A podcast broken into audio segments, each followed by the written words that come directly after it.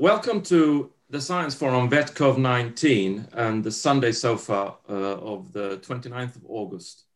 My name is Jens Stilhoff Sørensen, and with me today I have Andy, Andrew Ewing, who is a professor of chemistry and molecular biology, uh, Nele Brusselaers, who is a clinical epidemiologist and associate professor as well, and Kelly Björklund, uh, who is uh, invited guest here um, and who, who is a journalist um, with a long experience covering human rights issues uh, and recently covering the, the pandemic. Uh, and today we're going to look into uh, the Swedish Public Health Agency's uh, state epidemiologist Anders Tegnell's um, various statements, um, emails, and a webinar he has been um, holding to look at what is being said there, um, because there's a lot of inconsistencies that we need to, to um, dissect here. And as a context for this, for international viewers, maybe especially, um, Sweden's, Sweden's strategy or policy in this pandemic has been very different from, from other countries. And right now, many countries, like for example, Germany, they're moving to, um, for example, tightening the rules on face masks in public spaces and so on. Um, it's also recommended by the World Health Organization and the EU. Uh, 170 countries uh, either recommend or require it in certain spaces, um, but Sweden does not. Um, and we live in a country where face masks are not even used in care homes or in hospitals. Uh, and in fact, it's even prohibited in some of those places. Um, and the same with schools. Um, in that sense, we expose risk groups, we expose uh, hospital workers, uh, children, teachers, and so on to risk. Um, and there is also a class and gender dimension to this Swedish strategy because, in a way, it means that the middle class that can work from home, they can do so, but not workers and women, they are expected to sacrifice themselves for the kids. In Sweden, we also don't test and trace. Um, we have outsourced the tracing a bit to um, the individual himself. Um, and and um, until yesterday, uh, there was no requirements for quarantine for individuals that had been in contact with confirmed COVID-19 cases. That may change now. So this is a quite different um, situation. And in order to understand why this is so, today's Sunday Sofa will focus on the state epidemiologist's various statements uh, on this. And we will first look into uh, emails uh, that reveal a lot of information about what's going on in Sweden. And after that, we'll look at a webinar that was uh, held uh, in the San Francisco Chamber of Commerce. Um, so we'll should also say that normally uh, it is the government that you would, you would uh, scrutinize in this context. In Sweden, the government, of course, is ultimately responsible, but they have uh, delegated and, in a way, abandoned a lot of the responsibility to the state epidemiologist and to the public health agency. Um, and that's why we need to, to focus on that. So I say welcome to Andrew, Nele, and Kelly. Thank you. Thank you. Thank you. Thank you, Jens. Happy to be here. Um, and I'd like to I'd like to just open. We we we need to look at the emails. Um, there has been a lot of emails, um, internal emails in the Public Health Agency that have been obtained by the, Swedish Freedom of Information Act um, by by journalists. Yeah, these these these emails were not obtained in any uh, bad way. And these are these are emails that were obtained through an act that allows us to see what public officials are doing. And uh, I should also point out that some of the emails were erased, and so we don't even know what they are. And there's been some investigation about this, but we, there's enough there to give us some information. So let's let's move into that. Uh, this has been written up in the Guardian in the UK, but it's been almost ignored here in the in in Sweden. Okay, and so I will I'll hmm. just flash up some things every once in a while. but uh, here it says Sweden's COVID 19 strategist under fire over herd immunity emails. So let's go into that because that's an enormous part of these emails is this concept of herd immunity. Hmm. And the Swedish uh, and, strategy, which was never really defined, it's they've always been really unclear about it in the public uh, field. I think the first, yeah, never really saying it's herd immunity. Uh, then also not saying it's economy. It's they've always kind of been turning around, but maybe indeed we can look at the emails and uh, yeah. Uh, sorry, this is a, this is a good point, Nele, because when it comes to Sweden and the Swedish government saying that they hand this over to the expert um, agency, which is the public health mm. agency, it is a little bit strange um, because an expert agency in Sweden, we do have expert agencies uh, with professionals but if they decide things, like which is the case in, in, in economy, in the central bank, for example, then there is a high level of transparency required. Um, and you also sometimes have agencies that provide um, expert opinion to the politicians, but then the politicians decide. Here we have an agency which seems to be running the country at the moment, um, but which had no transparency. No, uh, they didn't. All. It was not possible for the for the public or the science community or anything to scrutinize their models or their assumptions um, and so on. And it's only gradually that things are are coming out. And and so as you mentioned, in August. In so yeah. in August, so they just came out in August. So let me let me just flash up the emails okay, because this is. Uh, this is this is these are some of the emails that are that are shown. And they i'm going to go in the reverse order to start with mm. uh, but but uh, it's the bottom one is from anders tegnell to johan carlson who's his boss at the health authority. The next one up is is from the anders tegnell's uh, corresponding person in finland mika salminen who is uh, uh, writing back to him. And then the next one is is anders back to Mika Salminen. And then here is the English translation that I'm putting up here, hmm. uh, which is which shows uh, Tegnell says uh, point one that speaks in favor of leaving uh, schools open would be to achieve herd immunity more quickly. And Salminen and says we have thought about that, but the children still will still spread the infection. And then says true, but probably most to each other based on the very old stratified contact structure that we have. And Salminen in a fourth email comes back and says, yes, yep, he says, our modelers have ju- just run an estimate that decreases the elderly attack rate by maybe 10%, meaning that if you close the schools, it would decrease the number of elderly that would get the disease and die. And that's here. And then Tegnell responded, okay, and one more that he said 10% might be worth it. And I think that's important to go into at this point. So, what, what do you think about that, Kelly? Well, the backdrop to all of this, too, is that at the same time, the public health agency and the government is maintaining to the public that children don't spread COVID 19. Mm-hmm. So, on the one hand, there's a public discussion about don't be worried about sending your children to school because children don't spread the infection, and schools and regions are basing their decisions on that information. Well, at the same time, we now know that the discussions are happening at the public health agency with the officials basically brainstorming how to use children to spread the infection.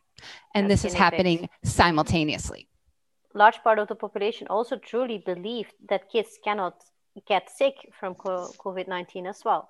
Exactly. Uh, and that's especially worrisome. And even if they frame it somehow like, uh, yeah, in an unclear way, that's the message that the, the public got. Kids are not infectious and kids can, can't get ill. Yes. Um, even if they didn't say it exactly that strong, but that's what the public believed. And the background to this email that that Tegnell forwarded to his Finnish colleague and to the head of the public health agency mm-hmm. was an email that a retired doctor sent to Tegnell talking about a recommendation to use the empty hotels oh, yeah. to spread co- coronavirus like we used to do with chickenpox.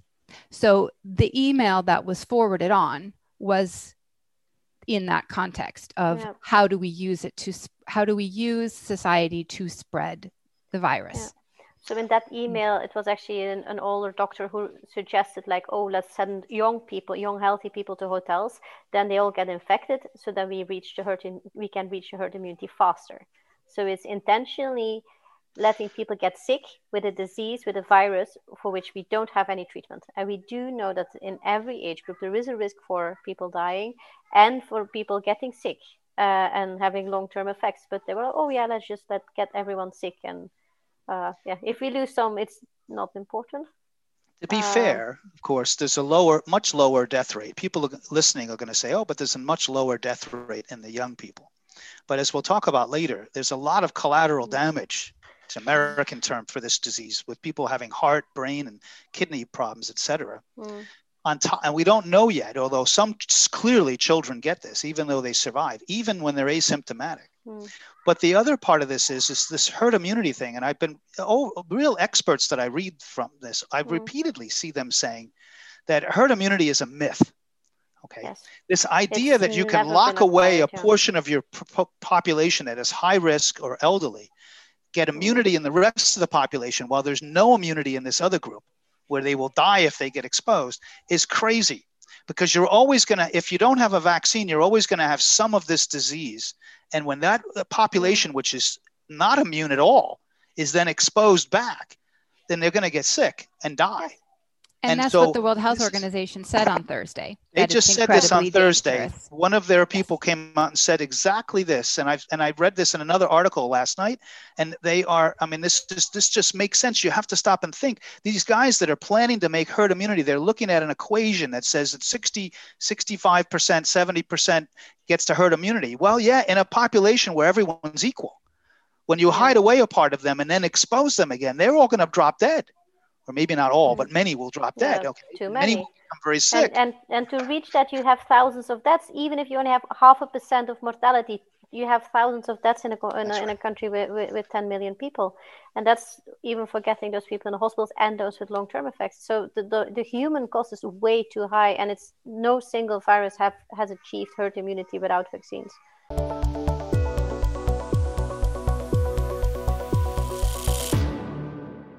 Is it the right way to think about herd immunity in the context of COVID to say um, the vaccine is far away? Why don't we just let everyone get infected? So, the SARS CoV 2 virus is a highly transmissible virus. We think it needs at least 60 to 70% of the population to have immunity to, to really break the chain of transmission.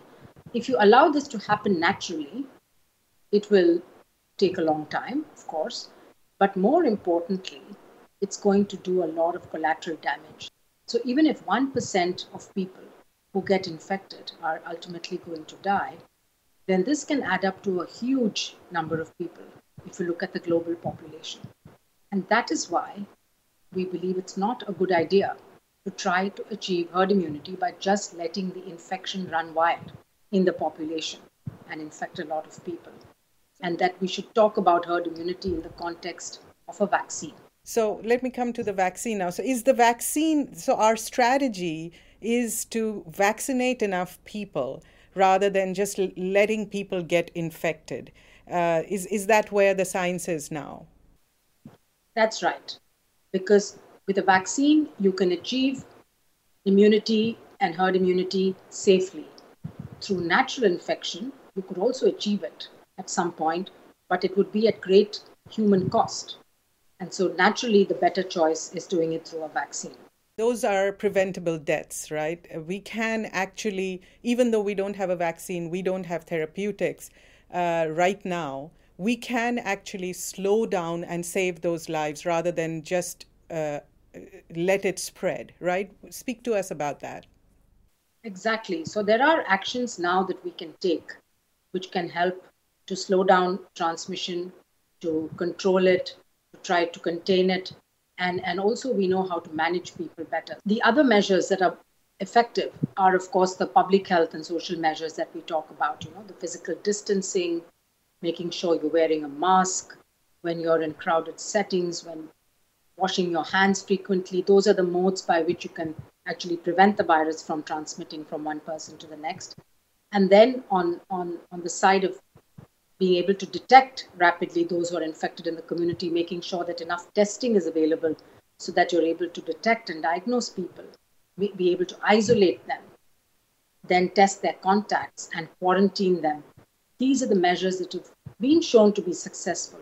They are hard work, they are difficult to implement, but it's worth doing because then you're saving lives uh, till the time that we have both effective, more effective medicines to treat this disease and, of course, a safe and effective vaccine. People, I've often, often seen this on social media where people say, hmm. well, we're going back to the old days, the way it used to be before vaccines. Okay, that's oh, yeah. all. And it's then we had true. so many kids dying. That's right. Just I mean, then we had people dying all had, over. We had so many families had a few kids dying. If they had 10 kids, one or two, three died. That's going back to the old days.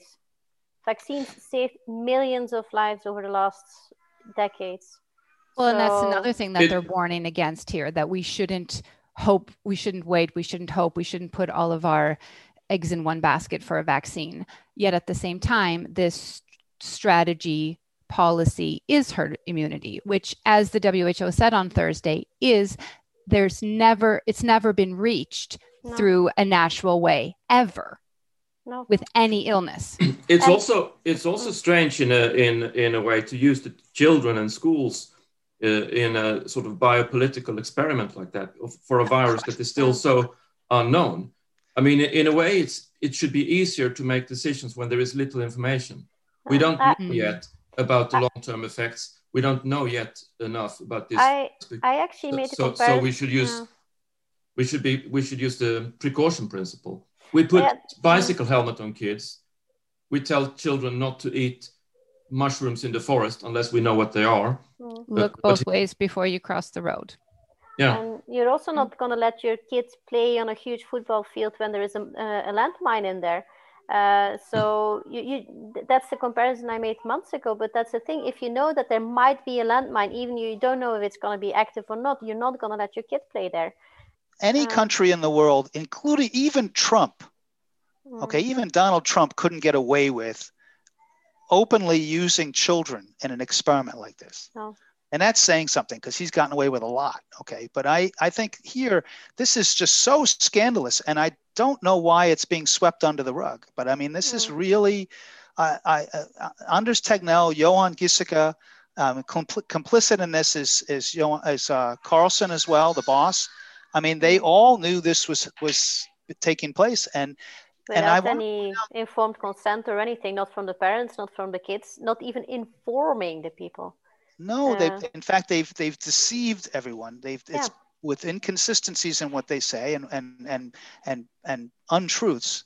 And and what they're what they're saying here, okay, is that that you know we can send the children because they don't have we we don't know what they're whether they will get very sick or not and we'll let them but they can still be carriers children yes. even if they do not have if they do not become very ill or they yeah. there are numerous studies that are showing that children have a very high viral load and they bring that home to parents, parents to grandparents, or even in the situation where there's teachers in risk groups yes. teachers who uh, who will catch it at school and every single person they become in contact with. Mm-hmm. So even if you put aside the issue of whether children become ill or not, which is mm. already happening. And there have been many children around the world who have died from COVID. Mm.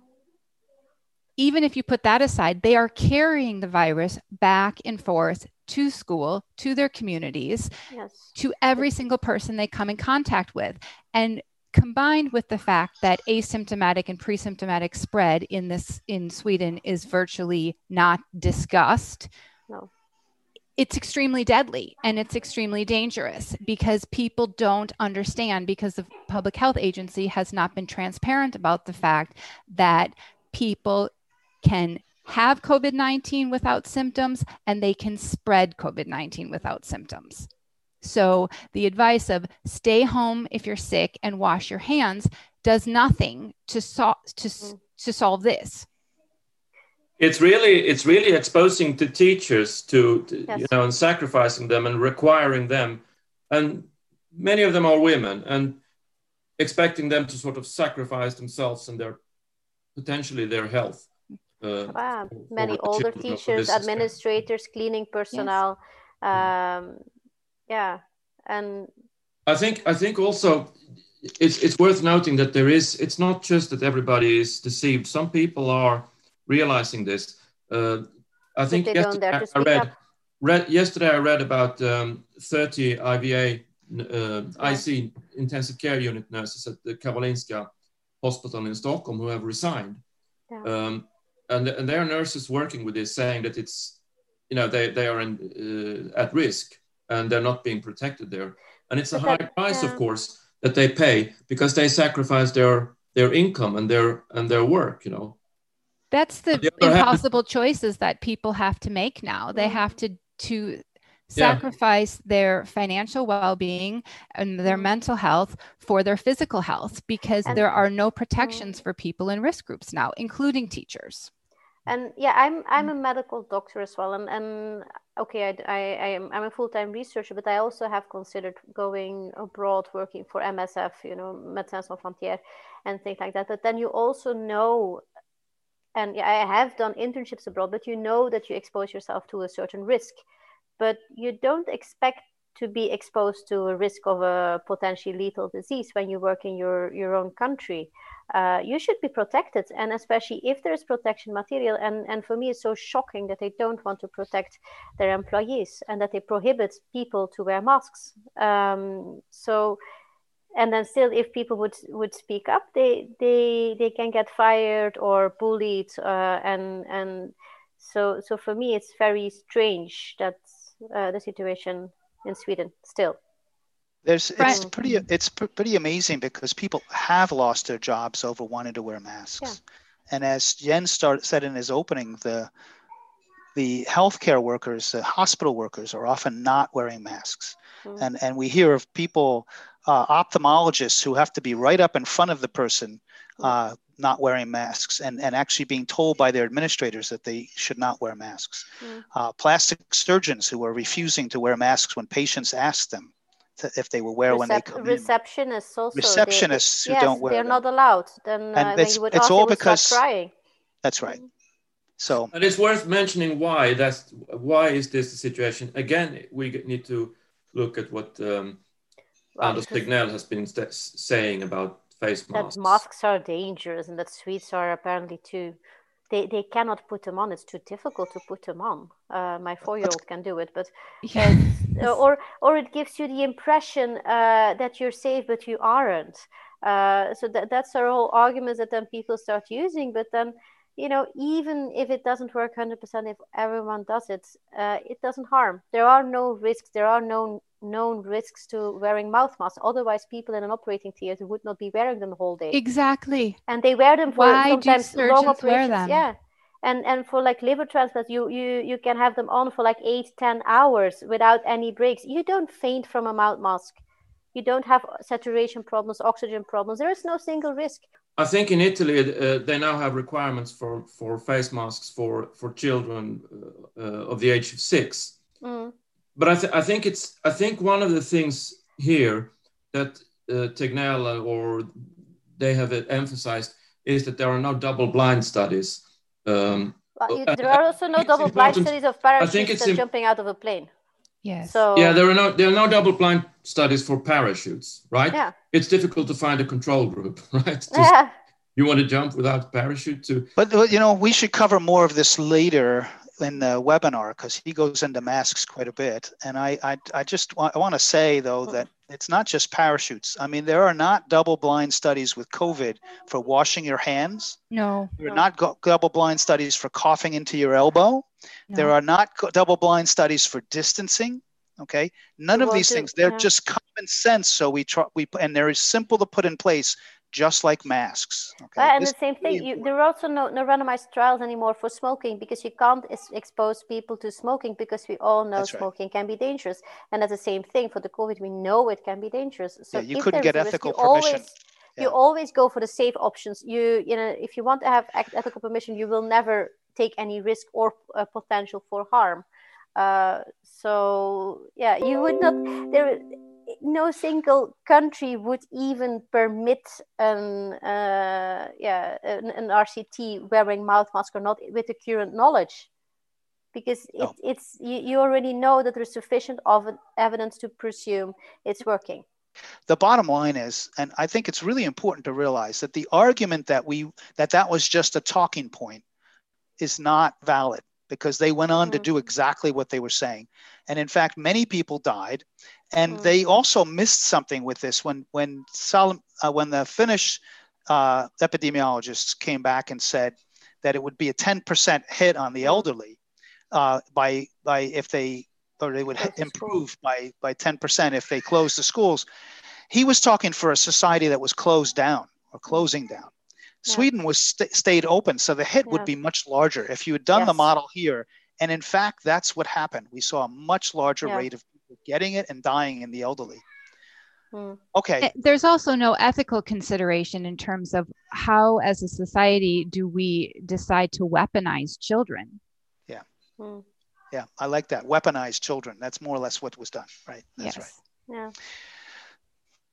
So, yes. so, so we should we move into the uh, to the some of the inconsistencies, okay, uh, that mm. that that have been brought up because uh, you know this is something that one, one of the things that we see all the time, and he did this this week was Anders Tegnell came out and said that he thinks there's 30% uh, immunity in the country in Sweden, and and uh, and I think this is uh, this is before going into the webinar. I mean, he is trying to include this study from Karolinska that suggests that T cell immunity is also added to the antibodies because the antibody studies that were republished again, they've redone. There's we we seem to be hovering at about 15% in Stockholm and in Gothenburg, the big cities.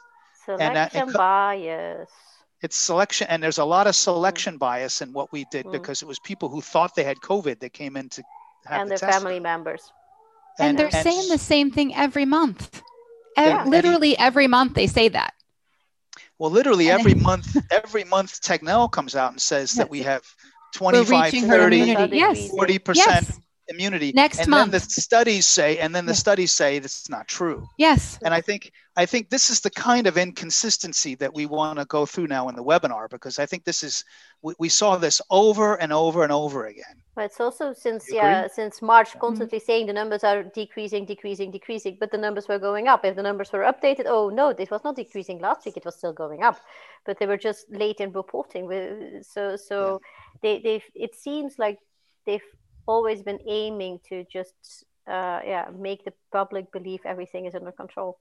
Uh, and that the strategy is working of course but uh, but they and that's for me also been frustrating from the beginning that they've never been clear like where did they get the numbers? Who has been doing the the modeling? Where are the numbers? Uh, you know they've they've not show me the data yeah they've not been sharing it with the public they've not been sharing it with researchers.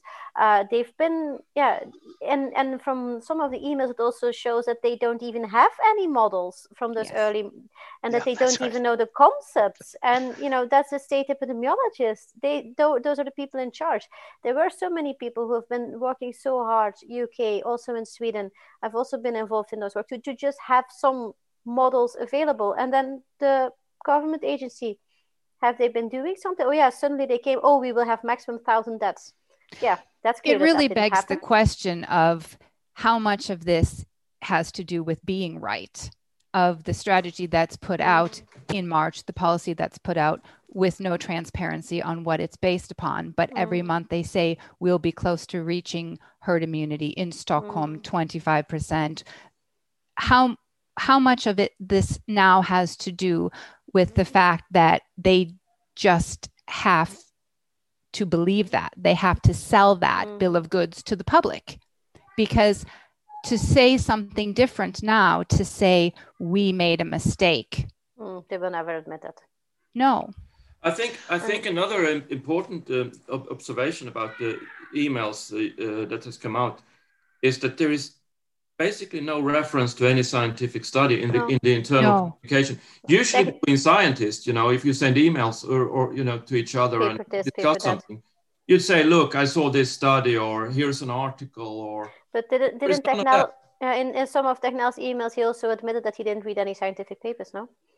So yes, and Giesecke came out and, and said, okay, so th- the health committee has come out. If they come out with a mask recommendation, can't we just have a log on political answer and and say, you know, that they're not necessary? There's no data for them. I mean, it, uh, it is right. about the message. And then, we co- and then we come then the we come back to the herd immunity because if you would be wearing masks, infections will slow down. So yeah, it will be taking longer to reach herd immunity and that's also what we've been seeing the whole time that you know then the infections were indeed seen that they were going down. And then oh we stopped with the travel uh, recommendations that you can uh, yeah you can travel again in the whole country. Or now it seems that it's going down again. Although it's questionable for the last couple of weeks. Oh yes you can have parties with 500 people again. So they, they've kind of constantly aiming not to suppress it but oh no we have to reach the herd immunity uh, and it seems their mantra that they will never abandon. Um, but that's quite interesting because what you hear in Sweden is the conversation about how the objective has been to one, save the elderly, which we know failed mm-hmm. epically, two, to maintain the healthcare capacity. Mm-hmm. That also but, failed in several which places. also failed in yeah. several places. But there's never a conversation and there's never talking points from the government or the public health agency about how the goal is to stop the spread of infection mm. or to That's... reduce the contagion. It's only it, it's whereas the rest of the world is it's to avoid infection. Here well, it's mm.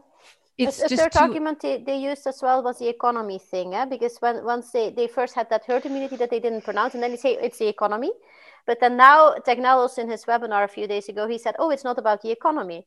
So yeah, they, have yeah, always been turning been around the. But but let me let me jump in here because I mean what Kelly said a little while ago. I've been waiting to to add to that, and, and that is that the you know that why is it ego is it that they can't admit a mistake you have to realize that if they admit that they made a mistake then they have to admit that they were that they were involved in causing the deaths mm. of of so many more people, thousands of people than what they had if you compare to our neighbors. If yeah. they had done the right thing, in our opinion, they, we would have had far fewer deaths. And so if they admit, hey, we made a mistake here, and that I think is part of it. I think there is a driving force for them to get to herd immunity to say, see, we actually, it was worth it after all, and try to brush away the fact that nearly 6,000 people have died. Yeah, because they're, st- they're still saying, "Oh, it's just a flu. Oh, people die anyway." And yeah, well, isn't it the most lethal year? I think in... I think that also reveals some deeper systemic problems in in in Sweden, in the Swedish state, and and, and the administration here. Because it's one thing if you have a person, an individual who can never admit uh, a mistake, or who's you know that's that's you can always have certain you know personality characters and so on who who uh, inhabit institutions and even capture them maybe or little mm. groups that do, do so you, you, get caught in groupthink and so on but here it's the government as well and there is no At every level yeah, yeah, regardless there has been a lot of of um, new publications uh, on various issues since let's say since march april may through mm. through the summer new studies on face masks new studies about asymptomatic and mm. pre-symptomatic mm. spread new studies about long-term consequences and it's almost like none of this is taken in. Right. It's just it's just like a wall um, that is immune immune against scientific it's evidence. It's like this. Yeah, That's right. it doesn't it come into the public yeah. health agency, but also the Swedish government simply doesn't doesn't take it in. So we have a case of a state where there is almost a complete detachment, not just from the people, but from the from the scientific evidence, and it's it, it goes on, uh, and and it's it doesn't change uh, at all, regardless of, of all this evidence coming in. Nele, one thing you've said uh, before is we never even tried in Sweden. And mm-hmm. I, I think about that a lot because the, the prime minister goes and tells Dagens Nyheter on April 3rd that we will count the deaths in the thousands. Mm. Why? Why shall we do that? Yeah why should we not do something else? And it just seemed like a it was a foregone conclusion then. And you know which is the chicken which is the egg how you know how does it all yeah. come come together a self-fulfilling well. prophecy yeah. but we have a death rate in sweden which is five times higher all of the other nordic countries combined yeah they did not count the deaths in the thousands so part of this and and Löfven said we have to prepare ourselves for that and all of this Why? narrative speaks yeah. to these emails going around and what mm. they're going for and how it's a long-term sustainable so, so, solution so luckily luckily people in sweden did take measures themselves because indeed the prediction models from that early showed that it would be even in the ten, tens of 1000s mm. so people did indeed change their behavior and that's also arguments you still hear in sweden. I was like yeah but we only have 6000 the models predicted so many more but people change their behavior. There's so many people in isolation since february march with March and, and later. Even, but yeah, there, I also actually heard people who were already in February isolating themselves. So people changed their behavior drastically. Also, some, of course, the younger, they, they kept their lives quite normal. But luckily, that had an effect. But then, yeah, I, I how can you say, oh, we will, there is a disaster it's, coming? Oh, let's see in two years. It's, it's not, not, a tornado. Not, many, many people it's not a natural to, disaster and, and for, even further later uh, you take actions yes so it's not sustainable okay what Nele just said is correct and it's not and, and and it's not sustainable though and we are actually if you look at the the restriction indices we're more restricted than most countries yeah. now mm-hmm. even though they, they claim that Sweden had lower restrictions because we have played it so slow in this goal for herd immunity.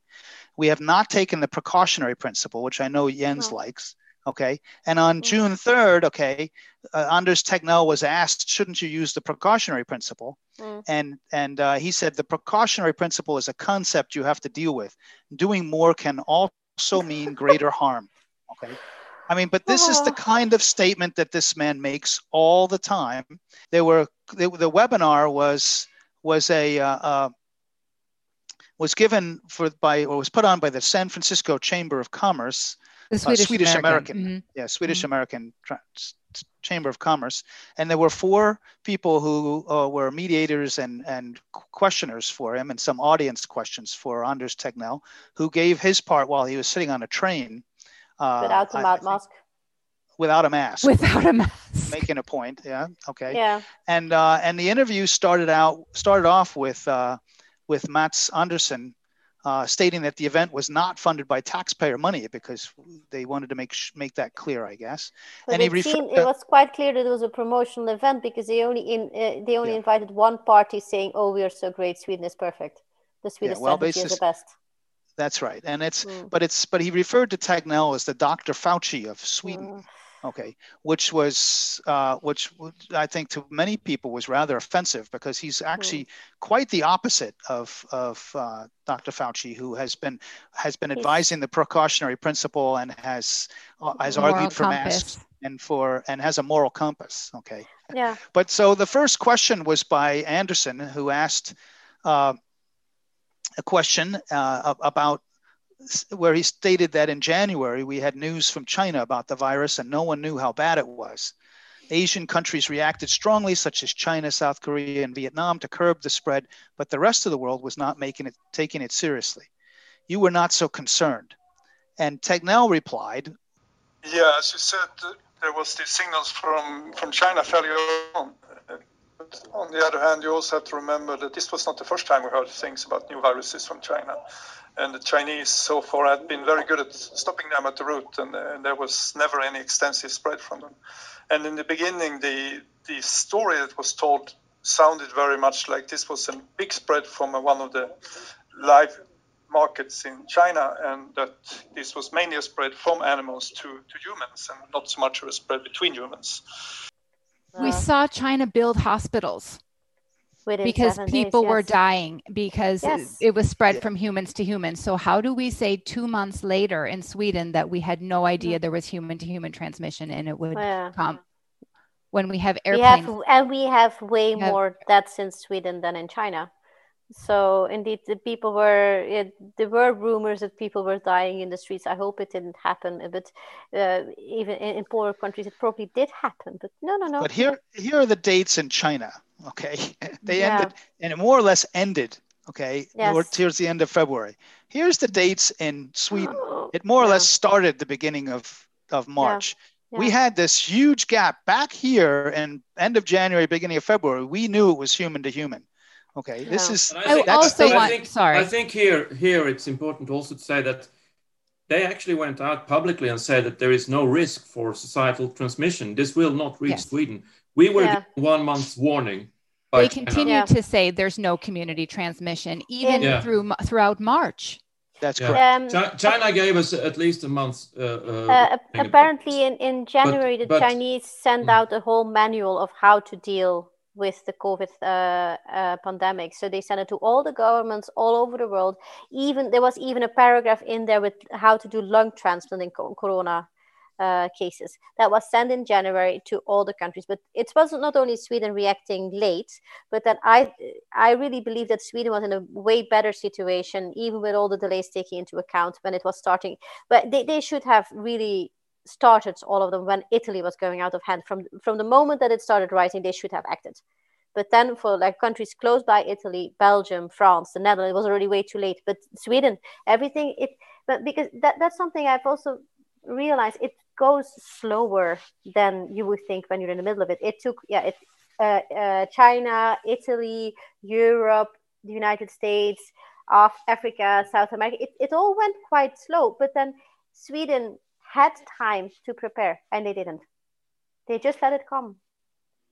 And, and when, when Peter yeah. Wolodarski wrote in Dagens Nyheter, Why Must We Be So Slow? Mm. He was vilified. Yeah. Yeah. When anyone asked the question here, why didn't we do more? Why don't we do test and trace? Why don't we, we be honest about the risks? At that time, they anyone who spoke up, yes. Yeah and they had the capacity. They were really making a huge uh, testing lab. They were uh, offering help from all different sides of people wanting to help.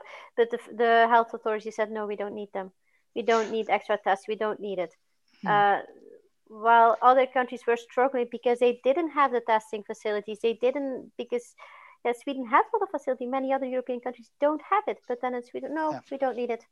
I, I think a lot of people out there think that we didn't have the capabilities to do this, but we did.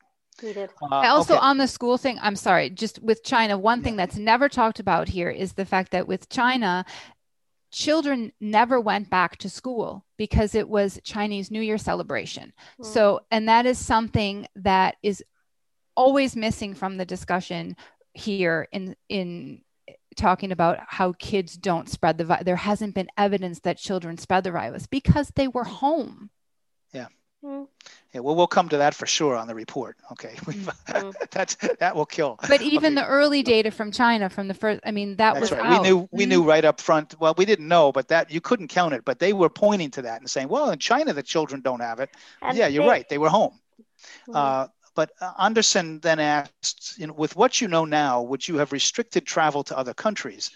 I, think we, we need to realize that what happened in Sweden did not really come from the Alps. When we looked at the virus afterwards, we've seen that it came from many other places, among them the US. Uh, so the viruses that eventually took over in Sweden were not the Italian virus. That we contained by having a very good, good communication with the people coming from Italy, and they sought health care, and those transmissions were stopped. So the viruses that were eventually established in Sweden, there were viruses from uh, from the UK, from the US, and, and, partly also from Austria, but not from Italy. We saw where it started in Sweden back about March 6th. A couple yeah. weeks later, it went up in the US. Take a yeah. look at the UK. March 6th, here it went up about the same, maybe a little bit yeah. later than Sweden. Look at Austria March 7th, about the same case. Yeah. Okay, so a few may have come from Austria. Yeah. Italy, look at Italy. Yeah, okay, this is exactly where our winter break is. And mm this is where they were reporting cases, which means that back here is where the two cases were starting. Yeah, it's about two weeks from when they get infected to when they start really going up. I mean, it's just quarantine upon arrival. There was no quarantine. Well, mm. and even when they did start quarantining for uh, for for example, from Italy or Iran, they gave it self quarantine, and they told them again, this is what Jens mentioned earlier, that your partner or your children or whatever can continue going to yeah. school, go to work. You just stay home.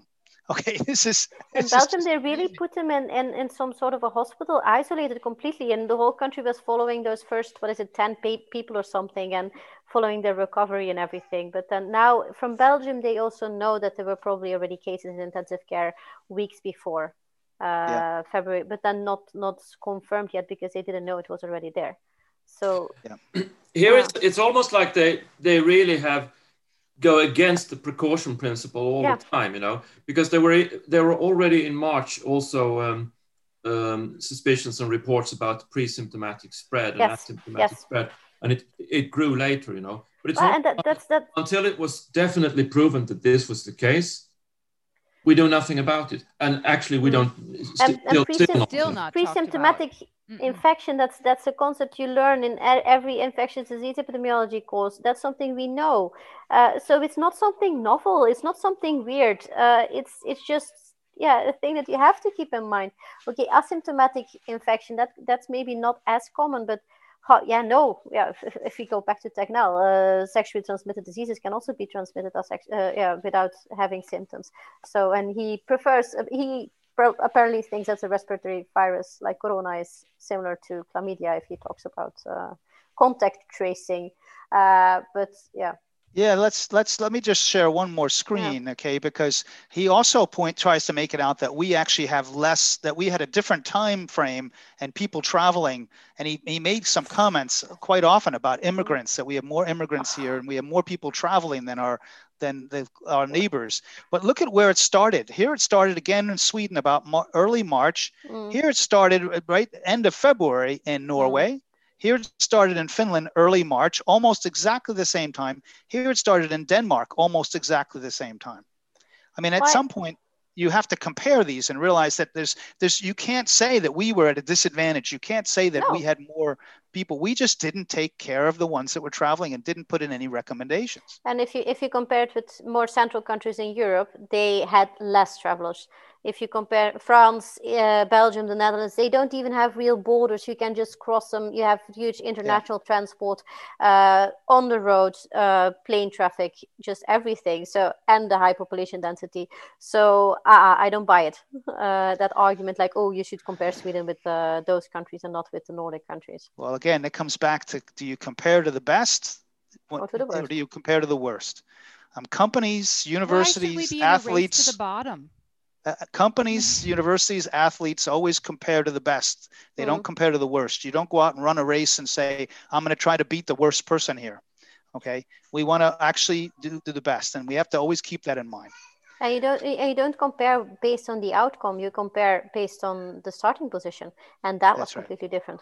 Yes, yeah, and, and I think that's sorry. Sweden and Sweden and the other other uh, Nordic countries. Um, I mean, it's really like cherry picking which factor mm. you what do you want to compare? You know, because Belgium and and, and uh, the Netherlands, as you said, have a higher population density. It's um, mm, fifteen times higher.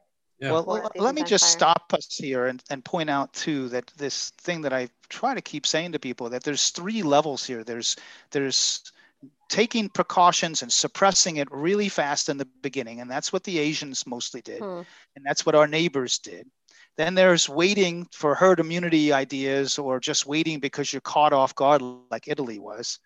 And mm, and and, no and it gets out of control too fast and then having the lockdown and it's much much worse. And then there's not doing any lockdown at all or this sort of long sustained drive for herd immunity mm. lockdown. And the, the and the, the last two are very similar. So you really can't compare. They, the, the, all those countries that did that did it wrong for one mm. reason mm. or another. Here we would argue for herd immunity. There, some of them was because they originally thought about herd immunity and then changed their minds. Mm. But I mean, this is this is not new. In pandemics, this has been around for a long time. Mm. Uh, there's there have been economics papers written beautifully on the the Spanish flu epidemic and showing that countries and states in the United States that locked down early did it had to do it for a shorter time came out with fewer deaths and with stronger economies than those that either locked down late or didn't lock down at all. This Look is very simple equation. I'm not arguing for lockdowns. In fact, what I'm saying is lockdowns after the fact are too late. Okay, yeah. uh, unless they're done really, think, really well.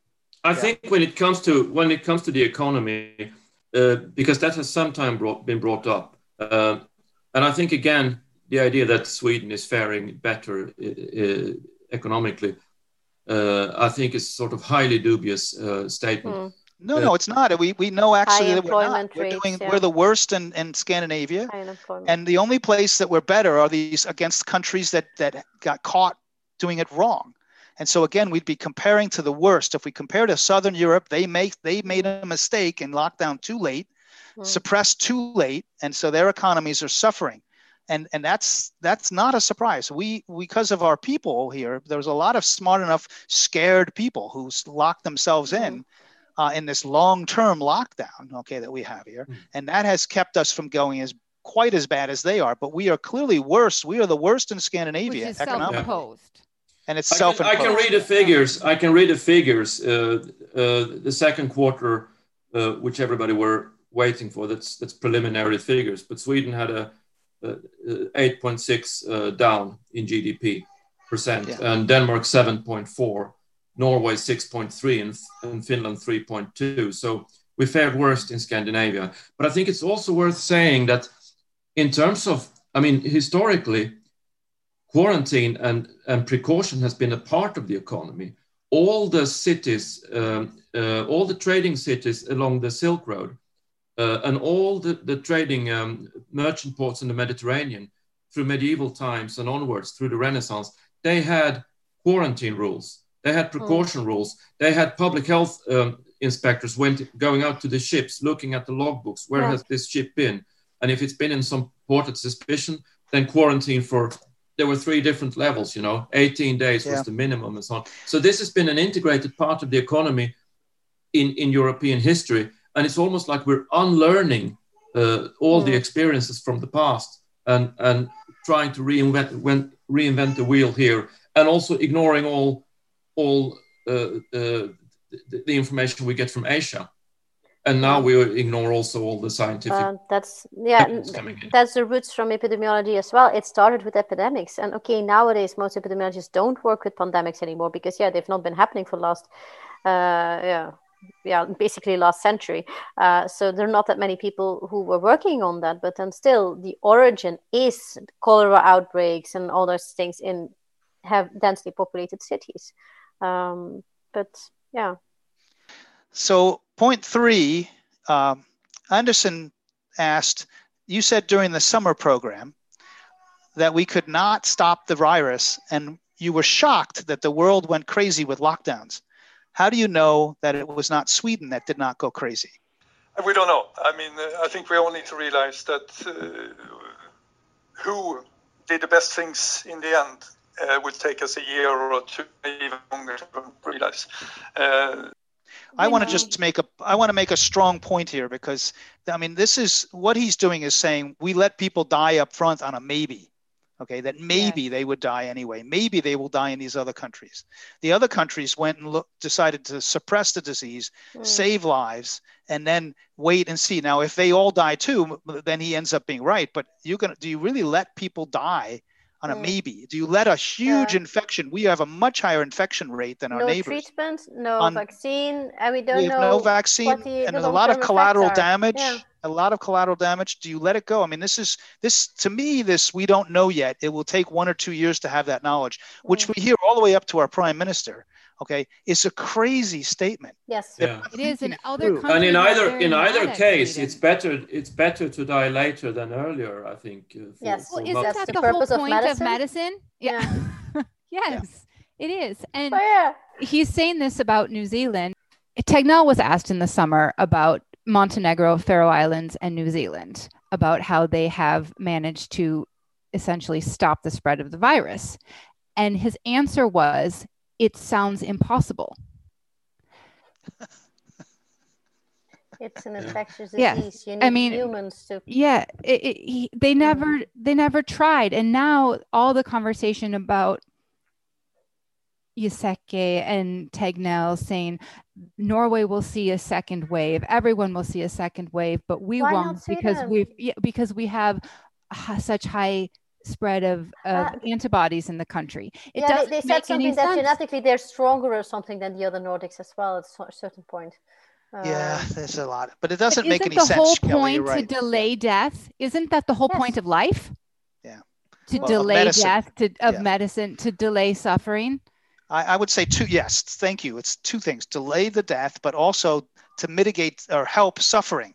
Okay. Yes. And and they're, they that that the second point is something that's almost never brought up here in Sweden.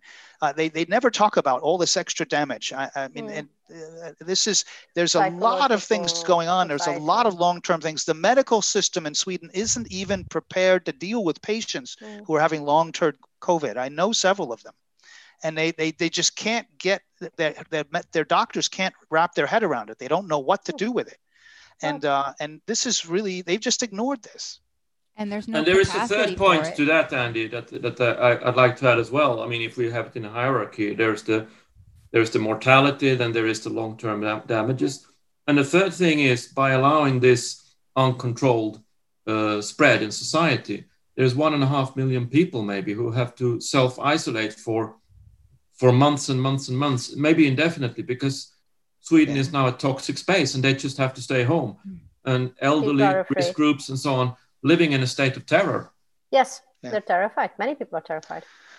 On that note, and not just of the oh, virus, ahead, but I'm sorry, not just yeah. of the virus, but because there's a complete lack of understanding in the general population yeah.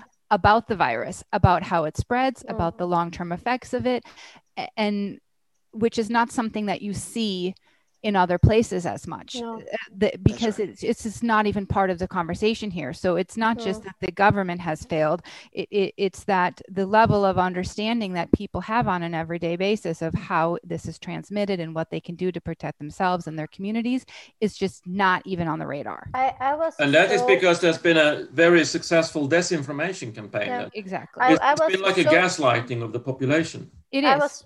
Really impressed uh, by my Chinese colleagues and uh, yeah, also those who were not epidemiologists early on in the pandemic. They knew everything about the virus, which was uh, known in the scientific community. Yeah. Then soon after, when it started rising in Belgium, uh, they also like even I was so impressed. Like even my family members, they were also like, "Oh, and the the, the curve," and you know all those concepts. It's like wow, and everyone know. Yeah, okay, okay. In Sweden, they now also know what an epidemiologist is, I guess. Uh, but then they still they don't they don't get the concept even the science many scientists don't get the concepts while the ordinary public in other countries does because they have been informed through the media uh, constant information campaigns uh, like you know watch out this is the virus this is what you do this is why da, da, da, da. but in sweden no. Everything is under control. Don't think about it. Don't talk about it that's really right. That's exactly what it is. Don't think about it. Don't talk about it. And yeah. then people just believe. And there's, I mean, it's a nice thing to trust your government. But when your government does something that is so deceitful like this, then you lose trust. And I, yes. I think we're seeing that now gradually. Yeah. But it's, it's, mm. this, it's so built into the Swedish culture to trust your authorities that it's taking some time.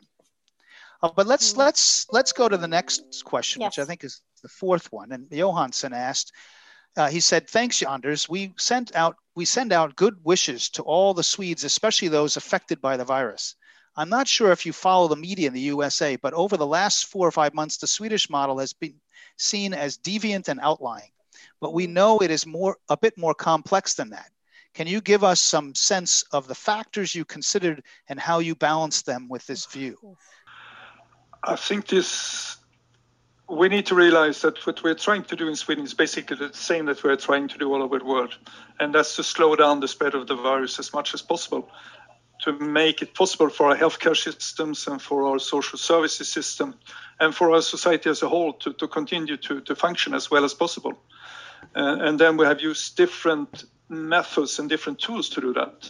And I think when you look at what we've done in Sweden, we have very much followed our Communicable Disease Act and, and other basic laws and, and uh, traditions in Sweden that we worked very much with the population, uh, giving a lot of responsibility to the individuals and, and giving a lot of mandate to the individual to, in their own situation, find the best solutions to, to achieve the goals of social distancing, slowing down the spread, and so on. Uh, so basically, we're not trying to do anything else than anybody else, and we are definitely not, at least from the public health agency, we are not really looking at the econ- economical effects on this. That is not our within our mandate. We are looking at the broad issue of, of public health. What do we say? Because this is just so far from true. Yeah, there's so much material, right? Yeah, uh, it's it's, a, it's again a successful dece- this deception has been successful in, in Swedish society to a great extent. Uh, what do you say about this, Kelly? My point is what is the purpose of a public health strategy or a healthcare system if it's not to save lives? And when they say we've done everything the same as other countries it's simply it's just not true. And I mean, that hasn't been the case. There's been a mania here about repeating all the time about how the number of ICU beds has held and we always have a capacity. But that's because people are turned away from from healthcare. And yes. and he's maintained repeatedly that people who do not um, who need a, a, space in hospital always have had that. Mm-hmm. But it's not the case. For example, Janina Lucero, 39 years old in Stockholm, two kids was her husband took her to the hospital and they turned her away, said it was full. She died in April. Hmm. She died. I also know about two people who died at home because they were denied healthcare. Multiple people who have died uh, uh, in this situation. Well, so to to say this all the time that we always had healthcare capacity mm. it, and we always we did the same thing as other countries. We just wanted mm. to save healthcare. They did that by denying people care. Well, this is, I mean, this is, mm-hmm. well, this is exactly true. I mean, many patients were given morphine as palliative care yeah. until, mm-hmm. until dying with a doctor's order over the phone, never even seeing yeah. the doctor. Yes. And it and a study done showed that in the elderly homes, only 13%, one three, 13% of those that died of COVID were in the ICU. So 87% of those who died actually mm. didn't get moved over to where they should have been in the ICU, and many and of them were given morphine. is not 100% it's a scandal. for the elderly. It's a scandal. It's high. The, the mortality yeah, isn't higher. higher for elder for, for the high for the elderly. The mortality is indeed higher, but it's not 100%. Even there are 90 year olds who survive COVID. Yeah. So that's right. They wouldn't. They don't have to die because they get COVID, and they mm. they treat it as if, they would. Mm. But they were trying always to maintain an 80% occupancy of the ICUs. Mm. said over and over again he was going to have this. We didn't lock down even for a short period. We allowed up to 50 persons to gather. At first 500, then 50. We mm. didn't close the primary schools. We triaged, as we said, for the ICU. We gave palliative care to dying patients without doctors mm. seeing them. Okay, and and and he says that we did the same as everyone else and he mm-hmm. also but but let me be clear here okay in in this there's suppression and there's mitigation mitigation is one strategy people talk mm. about to get to herd immunity and that's what we've done mm. then there's suppression now if you want to compare to countries that failed they at first were doing mitigation and then moved to suppression or tried mm. to and often unsuccessfully but if you want to compare to countries that succeeded, they did suppression. So his statement is just completely inaccurate. Mm. We did not do what everyone else was doing. No. At least 30 or 40 other countries successfully suppressed so far this disease. Mm-hmm. Yes, they have little flare ups, but you know, we, we, keep getting headlines here that there's, oh, see, it's coming back in, in this country or then New Zealand. Yeah, because, or, it, because the Swedes are traveling there on holidays. And well, That's what happening in other, co- other countries. Cases. Yeah. They, they, get tens of cases, or even in Germany. I mean, if we had yeah. the kind of, if we, our our bottom line, our our our cases overall as we keep going along are higher than mm. their flare-ups. Yes. So I don't know how people are thinking about this. Mm. So, so I, just have one, one, one quick follow-up, and, and that is when when you debate with yourself or when you question your way forward to, to, to the right answers, what what are the issues that you debate with yourself or that you question? Which ones are the most difficult when you try to come up with a, a way to mobilize society? I think it's very much. I mean, one thing is the question about equity, um, because we know that public health even in Sweden is very unequal, and and how do we then reach these part of the population that are socioeconomically less favored and, and will suffer more from any kind of decision and any kind of disease we have. How can we also protect them in a reasonable manner? And how do we develop our recommendations and, and rules not to hurt them more than we're hurting everybody else? Uh, and I think that's very relevant in the US and it's also very relevant in Sweden. Um, this disease, as many diseases, have shown us that the poor parts, the socioeconomically less favored parts of the population has been more severely hit, both by the disease itself, but also by the regulations and recommendations we put in place. And how do we accommodate for that, not to create more inequity than we already have in place? This is something he talked about earlier in the pandemic uh, with um, recommendations for people to work from home if they could. And they didn't want to mandate that or make strong recommendations about it because it would be unequal for people who don't have that possibility, which is true. But why not make that recommendation anyway and then take precautions for the people who have to stock grocery hmm. shelves and put out fires and work think, in healthcare. I think also that this is this is just really, uh, if you look at the Swedish strategy, it's really designed for the middle class.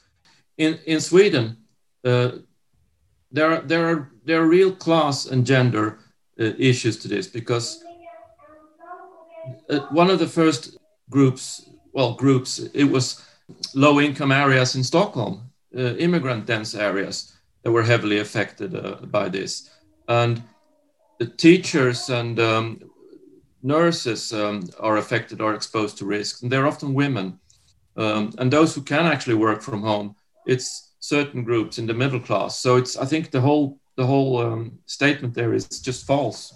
Well, I mean, he's but he's what he's trying to argue is that he has uh, that it's that that's what he's thinking about is how to make it more equal.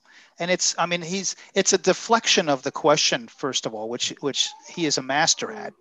Uh, but it's also uh, it's you know I, I, find it a little bit I, I think I find it important. Equity in public health is very important, but we're talking about a pandemic here, hmm. okay? And I and I think uh, my debates with myself are not right away equity. Yes, that's an important point to bring in, but my debates are: Did I make a mistake? Can I do it better?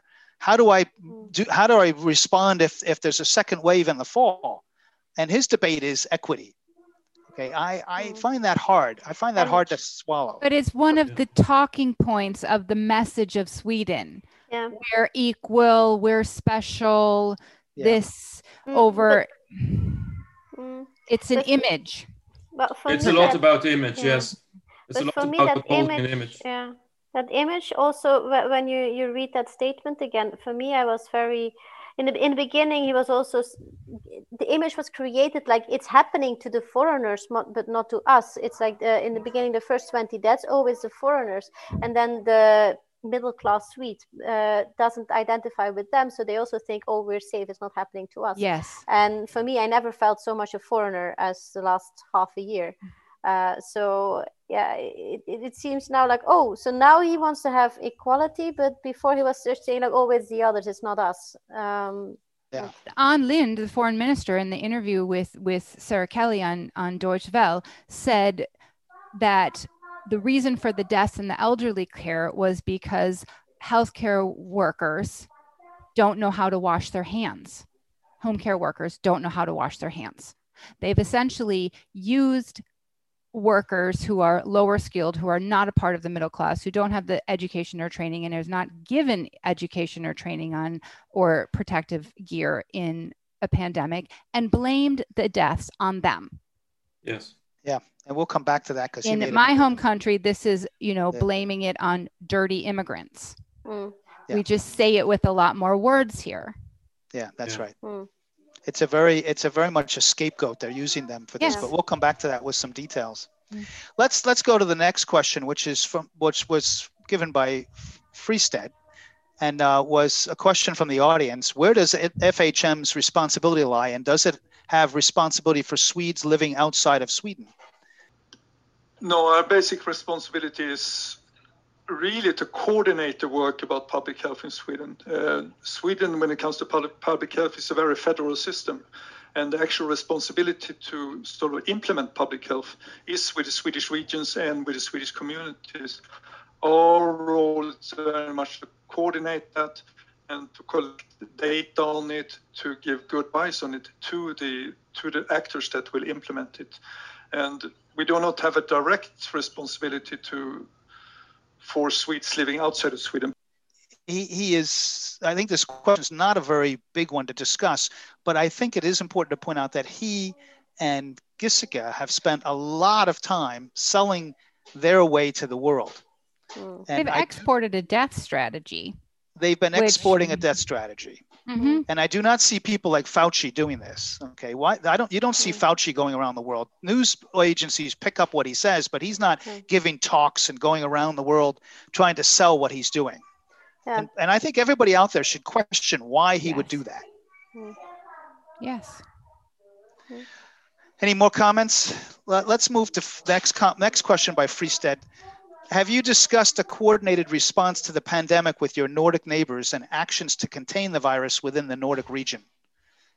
Yeah, we have a lot of discussions like that, and we have a very close collaboration with our Nordic neighbors which we had for, for a long, long time. Uh, this time has proven more difficult than others because this has also become a very political issue. Um, so the direct technical collaboration has not been as easy as it usually is. Uh, but we have regular meetings. We talk to each other every week, and uh, we really do our best to, to minimize the effects and uh, also to understand what's the background behind that we act in this situation slightly different in the different Nordic countries uh, so that we have an understanding on why this is happening. Wait, isn't it like the other four countries acted the same and Sweden differently, and that they had like a travel bubble, uh, keeping Sweden out? And that's how I perceived it. Um, but yeah. Yeah, this the answer to this is just completely wrong. I mean, it, it, it makes you wonder why, what's happening and what is he thinking? Because mm. the other countries, we're still banned at least partially, or if not totally, from traveling without a quarantine to Norway, Denmark, and mm. Finland. I'm not sure about Iceland. So uh, we we they have also criticized uh, the other countries uh, yes. in various ways. Uh, yeah. Well, the worst one was with Italy, so the Italian ambassador had to intervene and write a letter. Yeah, but uh, Norwegian, the Norwegian healthcare people or the health administrators have been furious a few times when he's made comments about Norway not doing as well as Sweden, uh, which is not just not true, of course.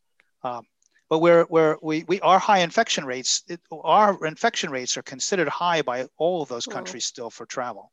Uh, Denmark is more open than the others, but but it, but mm. Norway and one of them has a 14 day, 14 days I think it was, uh, quarantine, and the other 10 days. Mm. Is that right? Mm-hmm. Okay. Um, another question that we have got a lot of questions about is regarding face masks. Uh, first of all, why is it not recommended to wear a face mask in Sweden? We need to realize that face masks excellent tools in healthcare excellent tools in the, in the care of the elderly, uh, where they have been tried out, and we have a long, long tradition and very strong evidence of how important they are. But when we come to face use in the public, um, the evidence is very, very low, and there might be some kind of effect. Uh, they can be an additional tool. Both what the World Organization and organizations said uh, when you have done everything else to stop crowding and to make it possible for people to keep distance. So far in Sweden, we've been able to, to implement that without face masks. And uh, we have, during the summer, have a rapid fall in, in the number of cases. So the pressure in Sweden to, to also add face masks to what we're already doing is, is very small at this stage. Um, we are definitely following the development, and if we get a resurgence in Sweden, uh, or if there becomes new proof about face masks being very, very important in certain settings, we will definitely use them. But at this stage, there is really no evidence of that they would add very much to what we're doing in Sweden right now. But we have definitely we're following it up. If we see a resurgence in Sweden as a whole or resurgence in certain areas, uh, face mask will certainly be one of the tools that we are thinking about. Uh, but right now, with a, with a falling number of cases, uh, possibilities to keep public transport and so on running without crowding, uh, we definitely believe that's better tools. And, and also the science tells us that keeping a social distance is a much stronger and much more efficient tool than face masks. And there is always the fear that if you put on a face mask, you will not think about social distancing anymore. And then you will definitely have a worse situation than, than we have today. So that's why we so far have seen that, uh, yes, there might be a role for face masks also in Sweden, but the role is not right now. It might come in the future. Mm. So what you're saying is that you believe that that the face mask can provide like a false and a false sense of security, and people might be less cautious then. Yeah, that's definitely what, uh, and also what we get a lot of. I mean, there's unfortunately very little science also behind that, but at least we do get a fair amount of reports from Swedes living in other countries. That's that's how they see the situation developing, and when we have a favorable situation in Sweden with falling numbers of cases and so on, uh, we believe it's better to save face masks for a situation where we really need them uh, and not use them now when all the numbers are going the right way uh, with the things we already have in place. I'm capable of holding two thoughts in my head at the same time. And I think the public should be trusted to do the same. There's yeah. a virus. We should keep our distance and I can wear a mask as an additional measure. Yeah. But I think there are several things here because Sweden doesn't do testing tracing, and they've said that no. the tracing can be done by individuals themselves. So mm. on that level, uh, uh, and it's actually not uh, according to the Swedish uh, uh, law on this. I think actually it's not not um, allowed, but but tracing that's okay. People can do that themselves, but they can't wear face masks you uh, can lie in a hospital bed and have to trace everyone you have potentially spread COVID to, but you can't be trusted to wear a mask. So, so it's it's just, um, and the other thing is that there is no evidence for any of the statements he says that people don't. In, in fact, the, the evidence is to the contrary that people yeah. do distance with masks. Yes. Um, yeah, and there's another question on that, and we'll bring it up. There's a paper out. There was a study done on this that shows that actually this this idea that it makes you less cautious is is incorrect. Mm. Uh, but I mean, he says that there's not a good evidence for this, and I I I, have to say uh, this is something that needs to be put to rest because this has come out in many many places, and 170 countries now recommend masks, and it's not because there's not good evidence for this, and there's some wonderful evidence for this. Uh, there's a study in it, Jena, the city of Jena in Germany, uh, went to masks three weeks before the rest of Germany. And this is the mm. line that happened here. This is their cases, okay, of COVID 19. And here's what happened in Jena, and here's what happened in the rest of the country before they picked up masks. Forbes just recently had an article that coronavirus cases dropped 40%. 46% in parts of South Carolina with mask mandates mm. compared mm. to areas without. Uh, you have a wonderful article on association of countrywide coronavirus mortality with demographics, testing, lockdowns, and public wearing of masks. Mm. This is continuously updated. So last updated was August 4th. And here you can see in the in the abstract it talks about social societal norms and government policies supporting the wearing of masks as well as in international travel controls are independently associated with lower per capita mortality. Travel controls is another issue that Tegnell often says it's, he mm. doesn't see why we should close borders. But look here, I mean, this is the wonderful graph from this play, paper. Mm. This is what happens with no masks with a whole bunch of countries across the world. Mm. Here's masks that came in a little bit late, and here's masks right at the beginning. Mm. I mean, it basically flattened the curve. Now, yes, those countries also did other things but masks clearly correlated and they had a very significant correlation between masks and not masks. So i mean this this just needs oh and i'm, I'm sorry i want to just share one more thing because this is actually uh, uh, something that was written up in, in, an article in, in the biomedical journal in the, in the uk and then here's a swedish summary of, of what's in here. But here is with wearing face coverings contact for a short time uh, and, mm. and with somebody silent, speaking, shouting. So it talks about how the virus is transmitted coming out of your mouth. Okay, uh, here it is wearing face covering for a prolonged time uh, and, and contact for a prolonged time, contact for short time with no face masks, face masks, no face masks for a prolonged time. Mm. And the green is lack of infection, yellow is in between, and red is bad. And you can see the exact correlation here. Mm. Now, if you want to read more about this, you should go to the to the VetCov 19 site and look on the face mask section. The writing is in Swedish, but you can translate it. And I think on the on the web page we have um, lists of scientific articles um, in support of this. I think there are now more than 70, maybe there's 100 articles. That's, uh, we don't have all the articles there, but we have a lot of them. We, that's we that's the lot. website I just gave, yes. Yeah, and we have a lot. And I think it's, it's worth pointing out that in this, in this context, um, you already said it, there's 170 countries uh, have recommendations and the World Health Organization. So so we are really so, the flat earthers in this in, in Sweden. We're the flat earthers. We are. Yeah. That's right. We're picking. He picks and chooses one or two places where he thinks this happens, but there are no studies that are verified, real studies that show that masks don't work. Okay. There's articles out there where people try to write and argue it, but every one that I have found so far has been picked apart by someone else, showing how they have done it, it incorrect. They reviewed it incorrectly. Well, it's not only that they say that they're dangerous, they've even said that masks increase the spread of infection. Yeah, that this is just wrong. And, Which is, and Fauci now is, has pointed out that this, this fomite transmission, this idea of touching things and then putting it in your mouth, is probably a very low part of the transmission of this disease. Mm-hmm. Okay, this is this is very small, maybe 15%, uh, it, and it's the, the numbers keep going down. Uh, so the idea that you can touch your mask and then touch your face and infect yourself is, is, is probably really wrong. And in fact, if you think about it, touching your mask, if, if you touch your mask and there's and somebody else has coughed the disease on you, so you've stopped it with your mask, okay, then you're you're you're, you're, you're actually protecting yourself. If you touch your face, even if you touch your face, you can still wash your hands, wipe your hands with disinfectant. If you didn't have a mask, they coughed and it went right into your mouth. How can exactly. that be better? Mm. But but now remember the biggest thing about masks is is that if we all wear them, we stop it from coming out.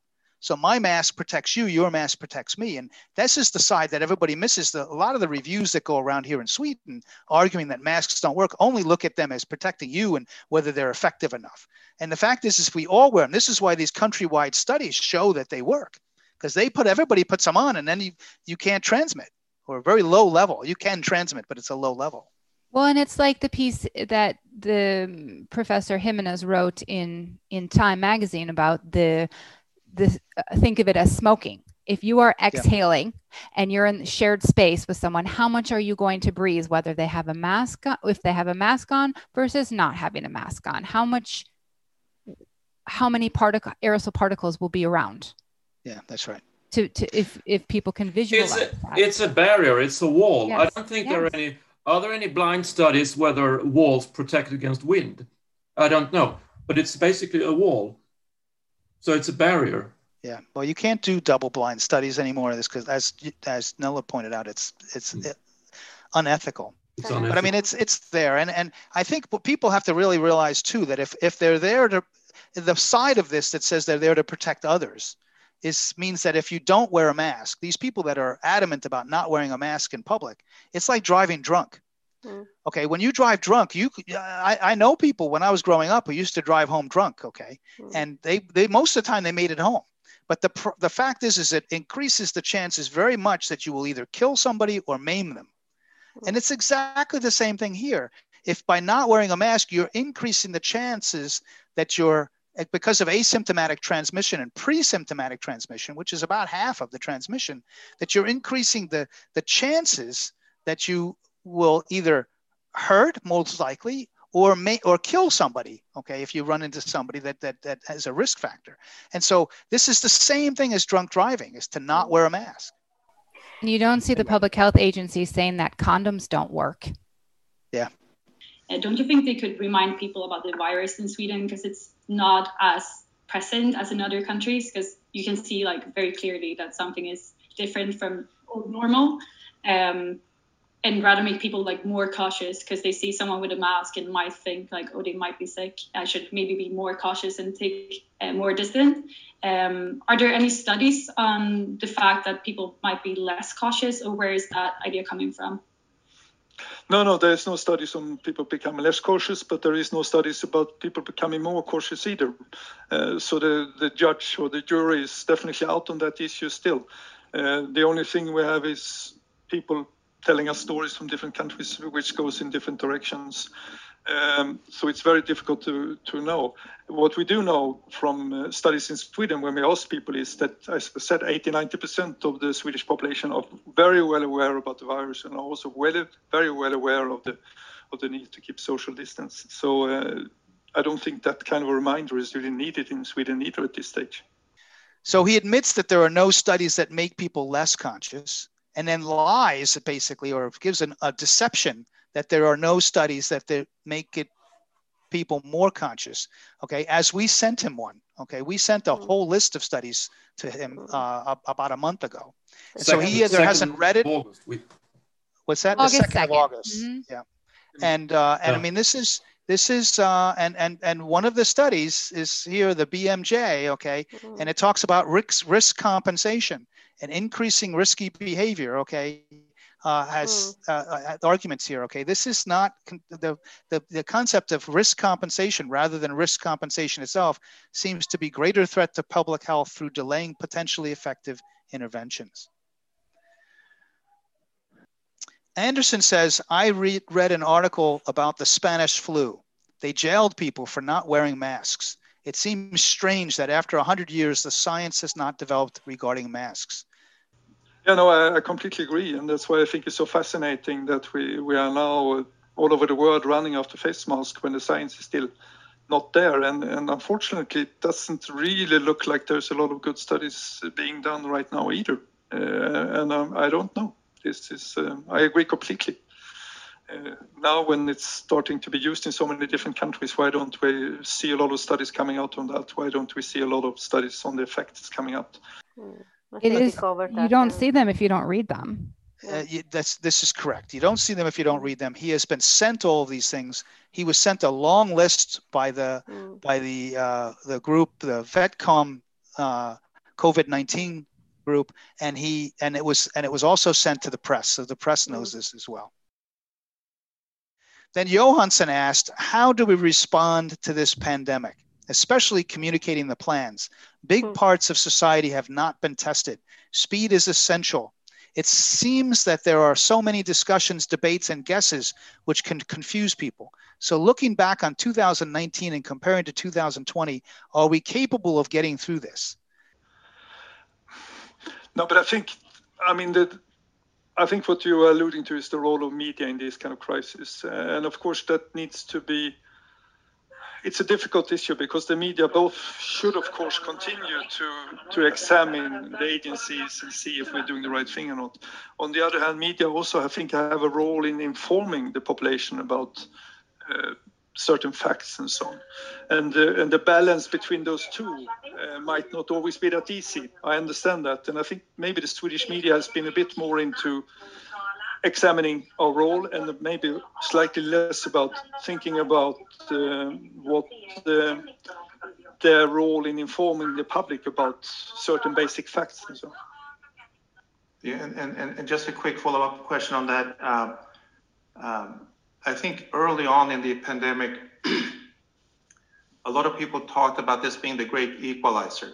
Uh, but as you mentioned, instead it has revealed inequities in society unequal uh, access to healthcare, uh, other injustices, and so forth. There are also professions that I think have taken a, an overwhelming amount of the burdens, like the medical profession, uh, where, where, people risk their lives and, and, and, and, the lives of their loved ones. At least here in the US, there's been a lot of uh, feedback from medical professionals and, and um, on, on the response. And I, and, and I don't know in Sweden if it has been to the same extent. But when you receive that feedback or critique or whatever we call it, do you think of it as, as a it's a feedback from a professional under great stress that needs to to maybe need more resources, or is the critique that we hear is that a critique of the global global response or the macro uh, uh, plan in place? Yeah, I mean, a lot of the things that are said today is probably said by people who are under great stress uh, and with a great anxiety. Uh, and in, in, a more normal situation, maybe some of the critique and some of the things being said today would not have been said. People had a little bit more time to think about it. Uh, but people are very stressed, that's obvious. I, I, would say that in Sweden, we don't get much critique from the medical profession. Uh, what I hear from my, my colleagues, uh, colleague doctors and so on, is that they are very much uh, in support of what we're doing at the Public Health Agency. Uh, the critique in Sweden is mainly coming from academia, and not definitely not from all of academia, but for certain parts of academia.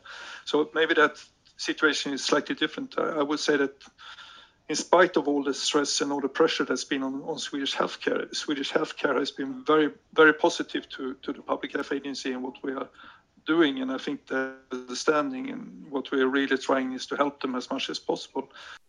Because those people just don't dare to raise questions. People who raised questions in the hospital have not been received very well. Um, so there was well, no people have resigned as well. Yes, um, many people have moved abroad as well. So yes. many many people have already moved abroad from yes. here. Even even the countries with higher infection rates. Yes uh, and and uh, because it's just no transparency. As Jens said earlier in, in this session, 30 ICU nurses, uh, Karolinska resigned mm-hmm. yesterday over the COVID mess. Mm-hmm. We hear from doctors all over the country that they are not happy. Yeah. And many fear for their jobs. A pulmonologist was fired this week for wearing a mask at work. Mm-hmm. We need to discuss this here, okay, in this country. This is just not correct. And when he mm. says scientists don't support him, uh, it's only a few, it turns out that the Swedish Royal Academy has backed changes changes calling for more comprehensive testing, tracking, and the use of masks. And in in, yes. in March, 2,200, I think it was, yes. scientists wrote yes. a letter, right, Kelly? You were involved in that. Yeah, me too. And and uh, and so you and uh, you guys were involved in that. I mean, this is he's just he's misrepresenting the data here. And the Karolinska Institute is recommending masks, the, the main medical university in Sweden. Yeah. Yeah, Karolinska. Yeah. And this letter of scientists, which was sent to the government on March 24th and to the media, called for two things to reduce mobility and, and contacts amongst the population and to increase testing. And neither of those things happened. And it was thou- thousands of, of scientists, researchers in your field who wrote this, who delivered it to the government, and there's not even a conversation about the message uh, in it. And it's strange to me in in what he's saying here that people support us. It, it's not the job of the public health agency to talk about their popularity. It, it, it's really it's really not. No, there, there are many strange things many strange. Well, this is he's been trying to sell this to the world. Mm-hmm. Much of the world thinks. I, I hear from people in Switzerland and the United States and Germany and Vietnam. They they all tell me, and China.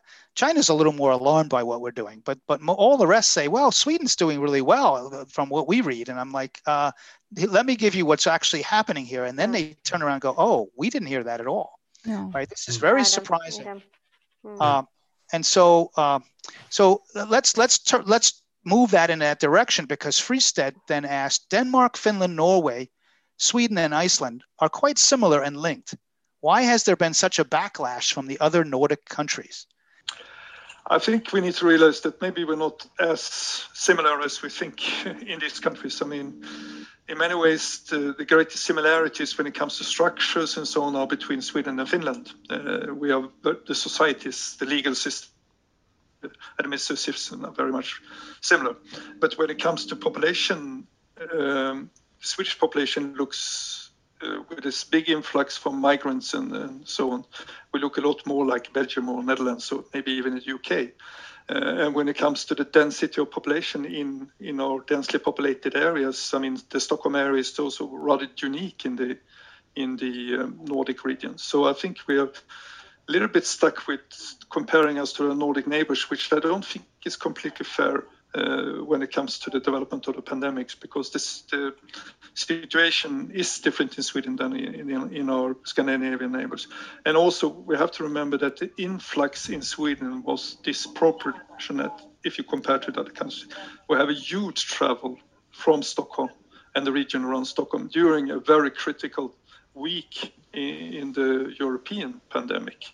And I think when we look back at this and we are trying to look at it now and get some kind of science behind that, but our feeling is that the number of people that really were coming into Sweden during a very, very short time was much, much bigger than in the other countries.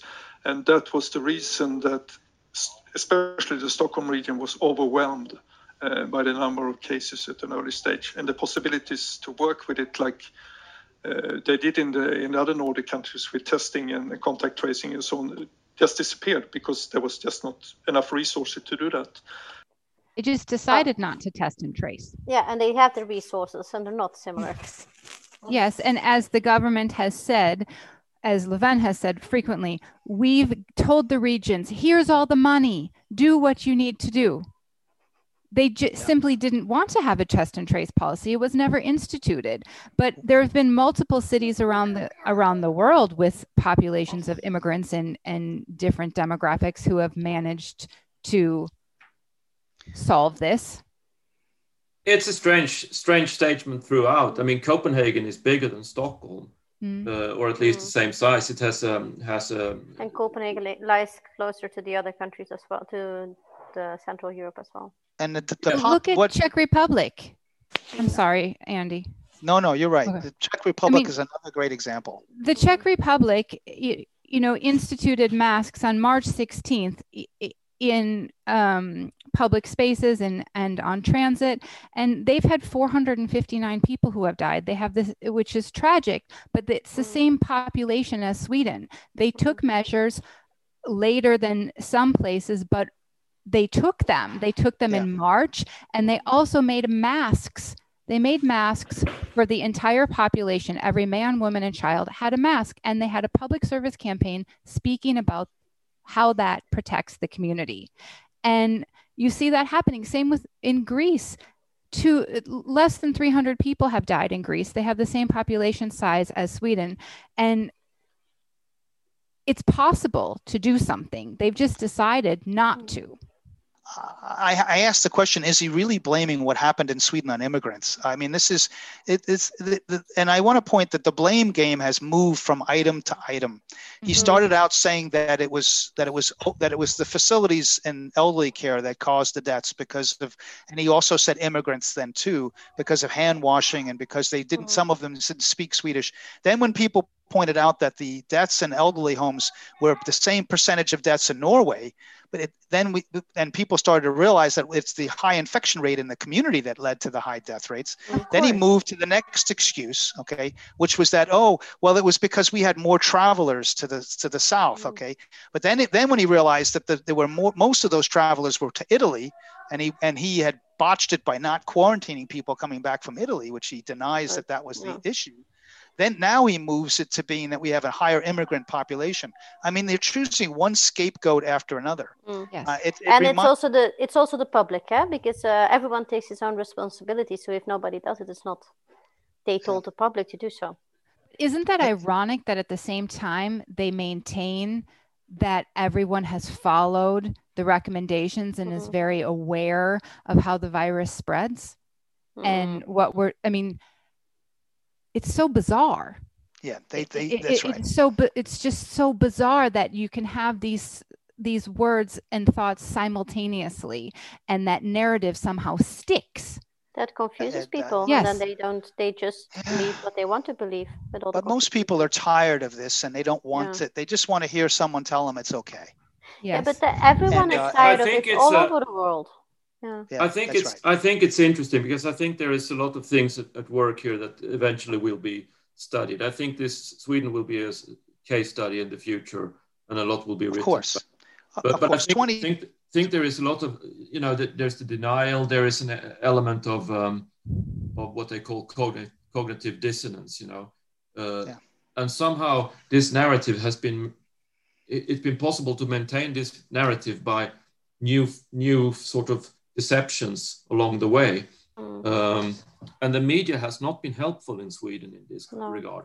I think that's but, but to use the but to use immigrants and to use elderly worker elderly home workers and so forth as scapegoats you know it just you, you can't help being reminded of times in history where other regimes mm. have used different groups yeah. as scapegoats and that's one one remark like that in belgium the whole country would be uh, yeah on the fence right. like wow how do you dare saying yeah. that um, and why is too. that not a scandal? Why is it not mm. a scandal that nearly 6,000 people have died and no one is responsible? Yeah. Yeah. All the thing with the schools. Nobody is mm-hmm. responsible. Nobody. It's like scandal after scandal. Also, all those financial scandals and everything, and nothing happens. nobody is forced to resign. There are no changes in power. There are no new people brought in, uh, on board or anything. Nothing changes. Uh, okay, so he says, uh, Andersson asks, you have experience of working with elderly for many years. Were you specifically thinking about how you missed out on the, on them during the pandemic? I think, like our state minister said, that this pandemic has shown weaknesses in, in our system. And one of the huge weaknesses it really exposed was the quality of care in our long term care facilities, in our elderly homes. Uh, and that this is something that happened like 20, 25, 30 years ago, the reform is called in Swedish, uh, when the long term care was moved from the hospital systems into the community social care systems. And this was done with very good intention, had a very lot of good aspects of it. But in repeated reviews of that ever since then, it has been shown that the medical part of the long term care facilities, that expertise and, and that uh, the knowledge about that in the long term care had was not really up to standards. Uh, and many of the long-term care facilities manage this very well anyway. But I think what we have realized that the, many of the long-term, at least some of the long-term care facilities, need to have more medical resources, more medical expertise, and that was what was lacking now, and that's why it took some time for these long-term care facilities to really live up to the needs that became apparent during this time. And, and now they are working excellently. Uh, the amount of people being infected in long-term care facilities almost down to zero, in spite of us still having a fairly a fair amount of spread in the society. Uh, the number of deaths in the long-term care facilities also fallen enormously. I think in Stockholm it's been two weeks without one single case of somebody dying in the long-term care facilities from COVID-19. So there's been an enormous improvement. Uh, because they don't test, they don't measure. Yeah, they, they say have, they've they've changed yeah. testing and measuring. But I mean, but the fact is, is this is another deflection. He's coming. Yeah. He's he's ignoring the fact that many died already and saying, well, it's okay now. Okay, well, it is good that we get to where it's where there are fewer deaths. But I think someone needs to be held accountable for what's happening. Hmm. They also don't wear masks in home care. No, I have a friend whose right. mother's 95 years yeah. old and spinal stenosis, and they will the home care workers do not wear masks when they visit her. They refuse, even yes. if they get them. They refuse. And I think the the situation in the care homes and in the in, in it was known. Uh, there has been a lot of um, reviews over the situation there for many years and reports coming in about it. And it's also been been a lot of um, recently there was an opinion editorial by a number of mm. of um, heads of care homes who pointed this out that they knew the situation and nevertheless they didn't do anything take any precaution about it. So. Hmm. Okay, let's move on to the next one because we have two questions left and they're big okay. ones. Uh, Andersson asks There has been very little talk about other illnesses and risk factors that can lead to people being hit hard from COVID 19, uh, or precautions to take, such as losing weight or getting more sleep. Why is there not much talk about these factors which are relevant? I think the the science behind that is very scant. Um, this disease is a little bit unusual in that it's really age that's the big risk factor. Uh, everything else is does not really make that all much of a difference. The only other thing that seems to be fairly important is uh, overweight, but that's mainly once you have the disease and, and how severe it will develop, not the chance of you getting the disease. So I think uh, unfortunately, many of these other things will make very little difference to your the risk of you getting severely ill. The big risk is really related to your age. Yeah. Either he's completely out of touch or he does not read, okay, yeah. or or the people around him are not reading. There are now dozens of studies, if not more, showing long-term effects in all ages, including even mm-hmm. children. Yes. And there's a lot of collateral damage. Yes. Okay, uh, we, in, we have in, yes. In in Sweden, they have been really believing even oncologists that they told to their patients like oh but you're not a risk patient. You're on, under chemotherapy. Oh but you're not a risk patient. Kids with diabetes oh but yeah you're a child. You're not a risk patient so you cannot get corona. Uh, so they've just just denying it in all the levels. Even specialist physicians have been denying the thing that we know that people are at more risk, and that makes sense. We we have so many differences in our and parents health. who have been terrified to send their kids to school because they have asthma, which now mm. turns out to maybe be a counter risk factor. Mm. Okay, might be actually good to have a little bit of asthma, but it, but parent we didn't know and other things mm. i mean people children who have sugar disorders so related to diabetes mm. which is clearly a risk factor and they just mm. denied everything was a risk factor and children going home to people with risk factors mm. okay they've they've just ignored this and the evidence okay. is there already from china from chinese studies yeah. There was a, a woman in April who died at Eskilstuna Hospital. She was pregnant at 23 weeks. Mm. And she, uh, her husband tried to get her medical care. They called the EMTs. They went to their their house, and the EMTs told her that your risk of getting COVID 19 at the hospital is high, so stay home. Two days later, this was over Easter weekend, they called the EMTs and they came back, and she was dead in two hours. And what does Tegnell say at the press conference after that? Well, she had a risk factor because she was a bit overweight. Wow. On the other side of the age spectrum, we get a lot of questions regarding uh, schools open. So, in um, the issue of school openings is a big topic in the US. Uh, are you seeing any early data on infections associated with different school openings in Sweden, either among students or teachers? And if so, uh, are any changes in school operations being recommended? No, I think we have made a review of the effects of keeping the schools open together with our Finnish neighbors who close the schools, and uh, we can find no ill effects of keeping the schools open.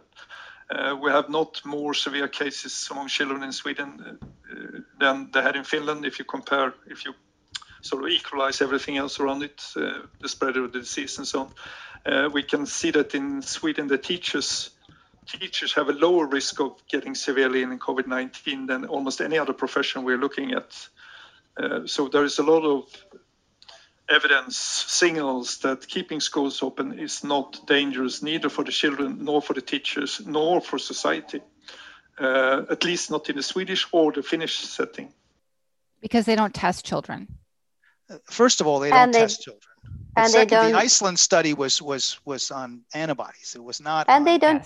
And they don't trace, so they don't know who was first in the family either.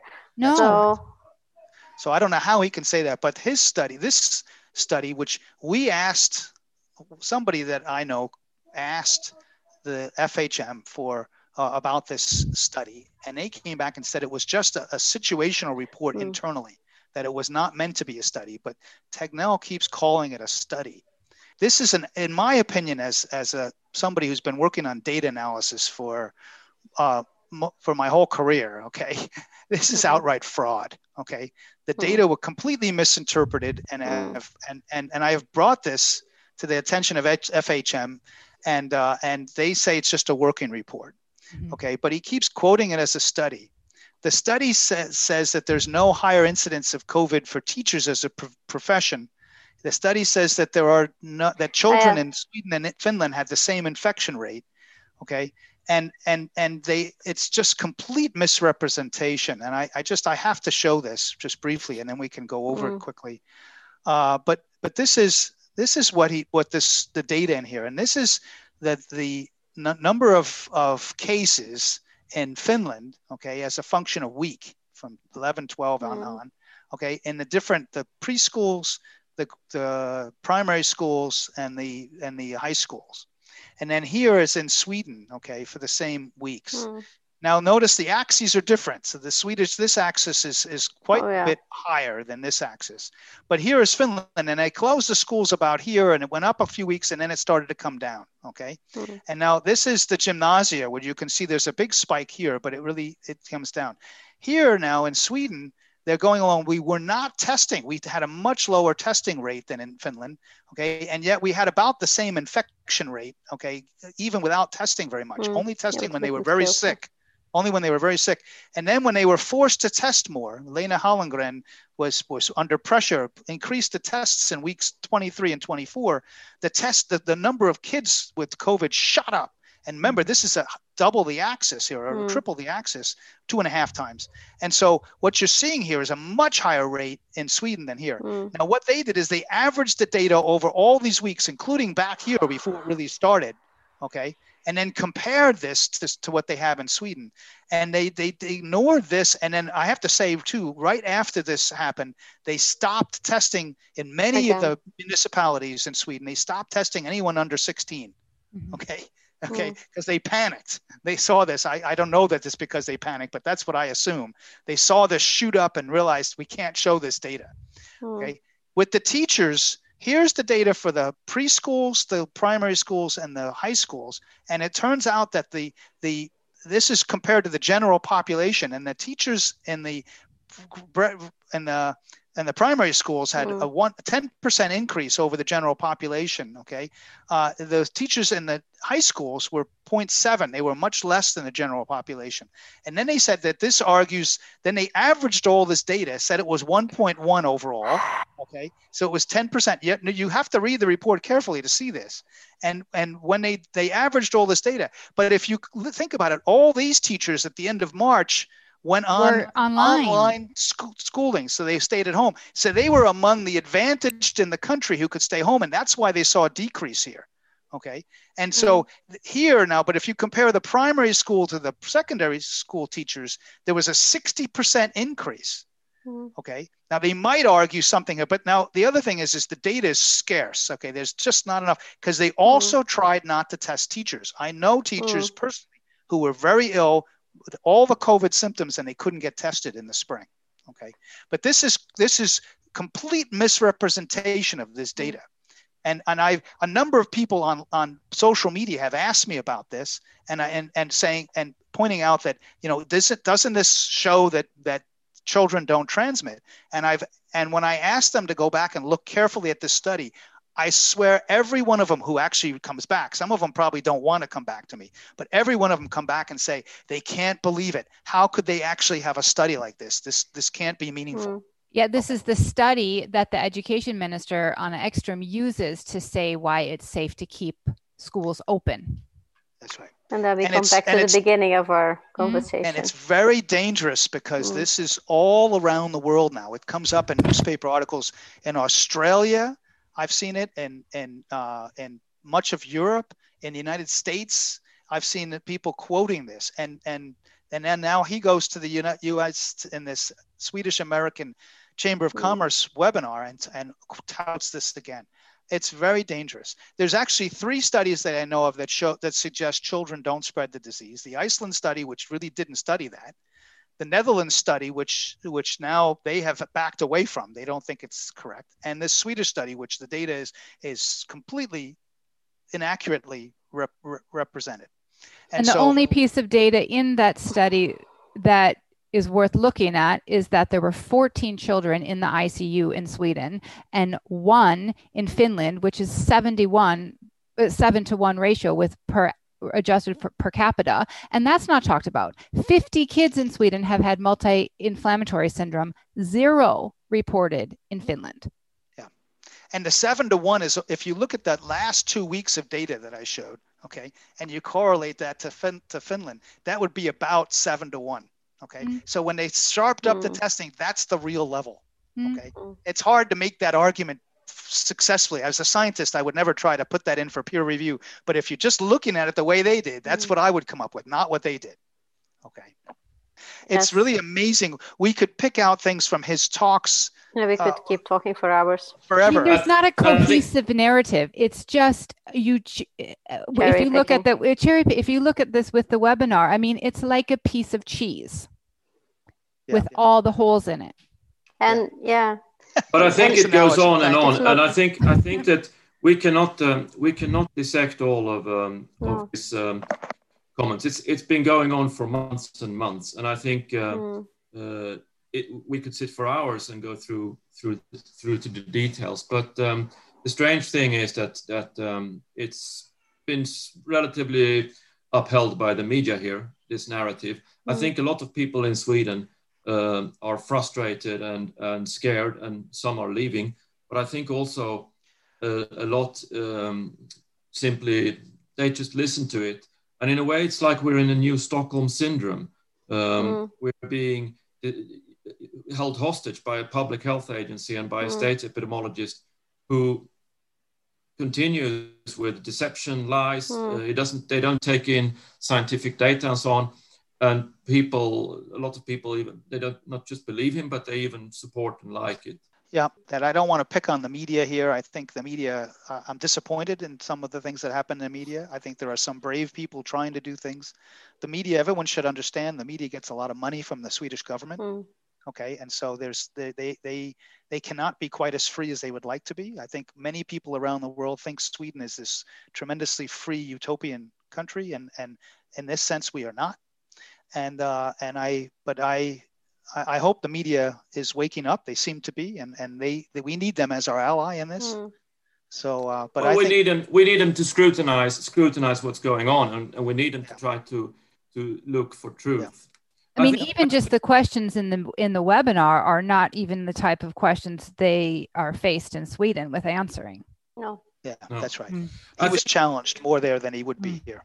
Mm. Yeah, I think we should um, we should round up, and um, Okay. I think that um, uh, one thing to point out, this is not just in the past, this is going on.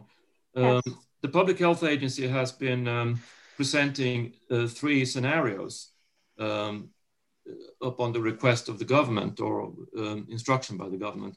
And neither of those scenarios really have any preventive um, uh, interventions. It's, it's scenarios about what will happen uh, and it's like interventions are assumed to take place only after we we are in a scenario. Um, and we will come back to that in a in another Sunday sofa uh, um, to discuss that and uh, what we would instead uh, recommend. So we, have suggested a fourth scenario, which we will mm-hmm. come back to. Jens advertising. Sorry. You're advertising. Yeah, I'm advertising for our next Sunday sofa. That's good. Okay. Uh, okay. And I think that. Um, I think that we should. Um, I'd like to thank the listeners.